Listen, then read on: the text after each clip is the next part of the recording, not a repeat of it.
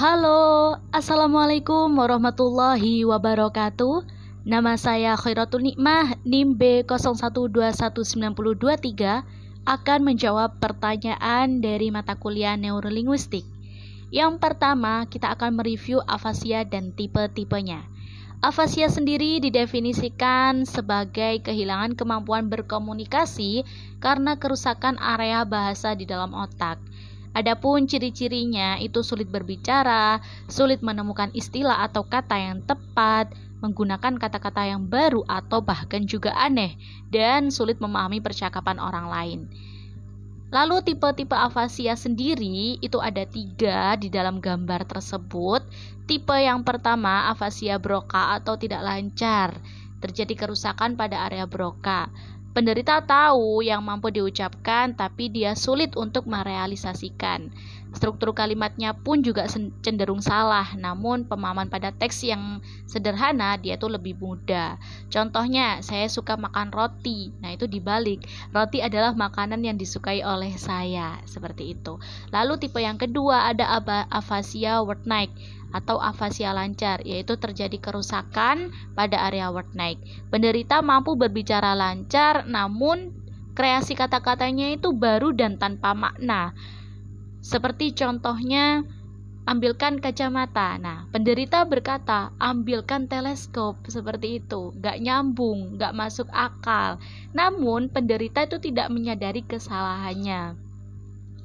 Lalu, tipe yang ketiga ada tipe global.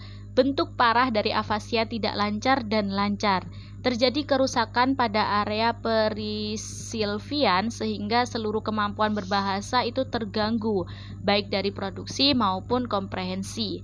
Sebab terjadi gangguan hampir dari seluruh area bahasa di dalam otak, termasuk area Broca dan word neck. Lalu di soal kedua, kita akan uh, bikin referensi dan sedikit penjelasan dari komponen bahasa Menurut Wikipedia, area Broca adalah bagian dari otak manusia yang terletak di gyrus frontalis inferior, pars triangularis pada lobus frontalis konteks otot besar. Nah, area ini berperan pada proses bahasa serta kemampuan dan pemahaman berbicara. Area Broca terletak berdampingan dengan area night. Keduanya ditemukan hanya pada salah satu belahan otak saja. Lalu area word neck adalah bagian dari otak manusia yang berada di dalam korteks otot besar. Pada bagian posterior kiri dan gyrus temporalis superior ini mengelilingi korteks pendengaran. Lalu ada korteks motorik primer adalah daerah otak yang pada manusia itu terletak di bagian dorsal lobus frontal. Ini adalah daerah utama dari sistem motorik dan bekerja dalam hubungan dengan area motor untuk merencanakan dan melaksanakan gerakan. Kemudian ada primary auditory cortex atau korteks pendengaran primer adalah area otak di bagian posterior gyrus temporal superior yang diperlukan untuk persepsi suara secara sadar.